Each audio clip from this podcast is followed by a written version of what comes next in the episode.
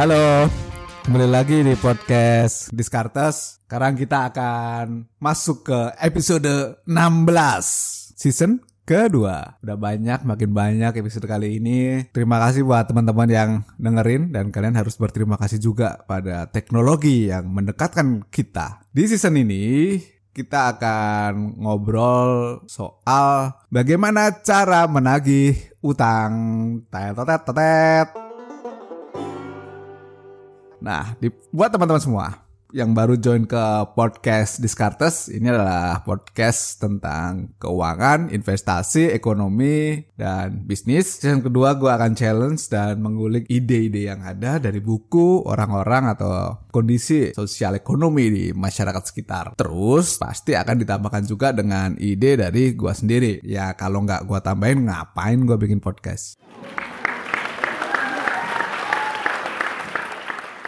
Apa sih alasan utama tema utang kali ini muncul? Karena seabrek nih pesan yang muncul di Instagram maupun dari beberapa klien gua. Mereka ngomong gini, Kakanda, gimana sih caranya nagih utang kalau ada orang yang ngutang dan lama banget bayarnya. Bahkan ada beberapa yang nggak dibayar.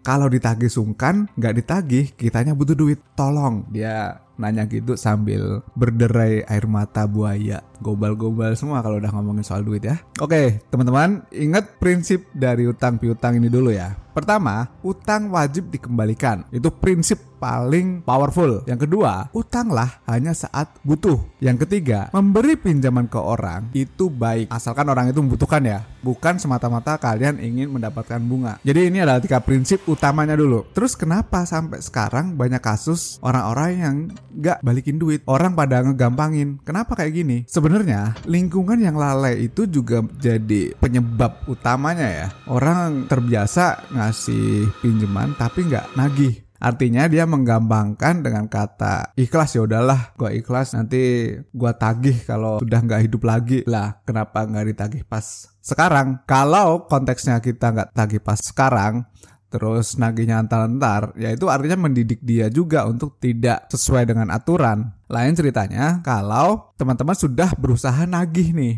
jadi baik si pemberi pinjaman maupun penerima jangan bikin situasi yang saling gampangin. Gak bisa kita lepas tangan gitu. Paham ya sampai di sini. Jadi tugas kita adalah mengembalikan konteks nagih utang ini ke prinsip semula tadi ketiga prinsip yang udah gua obrolin tadi. Terus gimana caranya untuk membantu biar cepet orang-orang ini bayar utang? Gimana cara nagihnya? Perhatikan. Yang pertama, semuanya itu akan mempermudah jika terdokumentasi.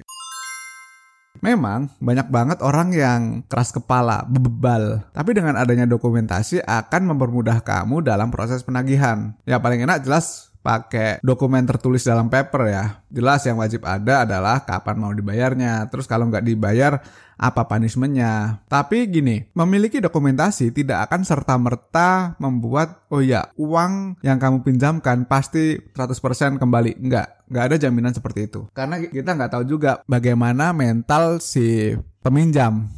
Namun alangkah berbahayanya jika kita tidak melakukan secara dokumentasi. Dokumentasi yang kita buat itu menunjukkan keseriusan kita di awal. Paham ya? Jadi ini juga menjadi prasyarat. Contoh kata, orang pinjem terus dalam dokumentasi itu tercatat oke okay, tanggal 20 nanti akan dibayarkan kembali. Nah, tanggal 20 kamu tagih terus dia bilang, "Aduh, gua belum bisa." Oke, okay, kapan? Tanggal 15 bulan depan. Bikin lagi dong. Jangan sampai dokumentasi itu lepas. Ini apalagi buat orang yang punya utang piutang miliaran gue akan sarankan jangan bikin draft yang dibikin sendiri, tetapi ada bantuan dari sisi hukumnya juga gitu. Gimana kalau misalnya ada gagal bayar? Untuk teman-teman yang punya pinjam meminjam dalam skala besar ya, kalau skalanya cuma ratusan ribu, oke okay, dokumentasi sendiri aja itu cukup lah. Kemudian yang kedua, kita harus selalu terus-terusan nagih.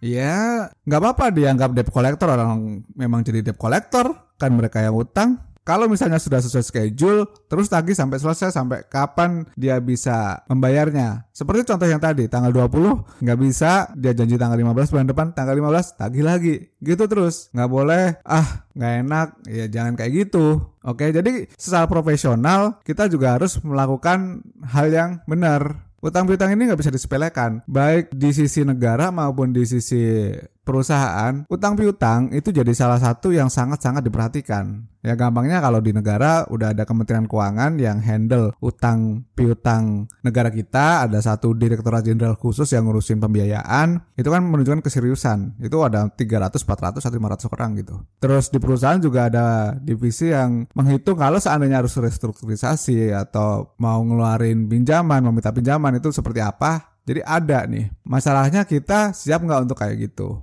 Yang ketiga, kalau seandainya si A, si B, si C susah ditagih, maka mintalah bantuan keluarga mereka. Dalam beberapa konteks utang piutang, ada beberapa orang pinjem dan mereka bilang gini, eh jangan kasih tahu ayah saya ya, eh jangan kasih tahu nyokap ya, atau jangan kasih tahu si XXX ya. Well, kita memang dilarang beritahu dan jangan memberitahu orang tersebut sampai dia default. Artinya kalau sesuai dengan perjanjian, misalnya seminggu terus sudah dibalikin dalam waktu seminggu itu, ya udah kita nggak usah ngomong ke mana-mana. Kita juga bukan seorang yang demen gosip kan gitu kan. Tetapi kalau dalam perjanjian seminggu sudah lewat, ya kita juga harus tahu kenapa sih dia telat bayarnya. Apakah memang dia ada masalah atau kayak gimana? Mau nggak mau minta tolong keluarganya itu jadi salah satu solusi. Artinya jangan sampai karena tabiatnya yang buruk terus lewat waktu ternyata dia punya utang ke, ke orang banyak gitu. Kalau kita bisa mengkomunikasikan ini itu kan sangat membantu. Tapi ingat dalam waktu yang disepakati ya jangan sampai kamu ujuk-ujuk nagih lewat orang lain itu nggak pas juga. Terus yang keempat seperti yang gue bilang tadi kalau jumlah utang piutangnya gede maka ada dong legalnya udah miliaran rupiah masa nggak ada lawyer yang dilibatkan? Nah ini kan bisa dibilang kealpaan. Disarankan juga pas proses pinjam pinjam ini draftnya dibikin sama si lawyer aja. Jadi ada peranan legal di sini. Kan yang tahu soal perjanjian hukum itu sebagian besar adalah teman-teman yang bergerak di bidang hukum. Mereka pasti akan lebih jago dibandingkan gua yang bergerak di bidang finance. Terus yang kelima jangan terbiasa kasih bunga.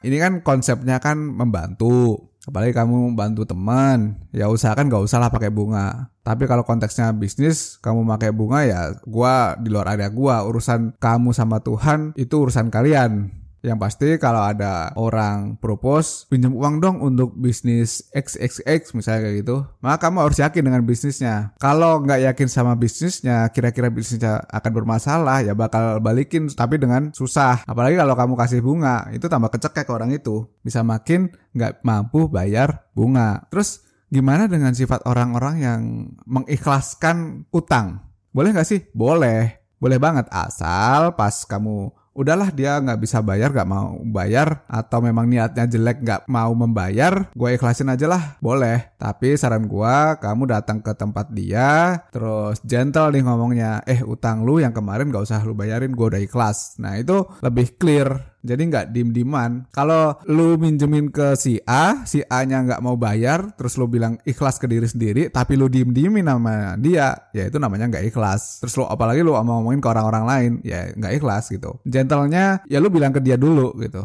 Eh, lu nggak usah bayar lagi, gue udah ikhlas. Clear masalah. Terus kalau misalnya rencana restrukturisasi utang gimana? Wis, keren juga restrukturisasi. Damai gitu maksudnya. Boleh, entah mau diperpanjang atau dilunasi dengan metode lainnya, monggo. Tapi ketika proses mau mendamaikan harus terbuka. Misalnya dalam diskusi itu nanti harus dicari tahu kenapa sampai nggak bisa bayar kemarin atau mau dicicil atau enggak nanti modelnya. Lebih baik sih mulai dicicil secara bulanan gitu. Jadi lebih termitigasi. Rutinitas dari cicilan itu kan sebenarnya ngebantu pembayaran. Itu obrolan gua kali ini soal bagaimana cara menagih utang. Mudah-mudahan teman-teman semua yang ngasih pinjaman ke orang bisa makin banyak tabungannya, bisa makin banyak membantu orang dan sampai jumpa lagi di podcast Discartes episode selanjutnya. Thank you and bye bye.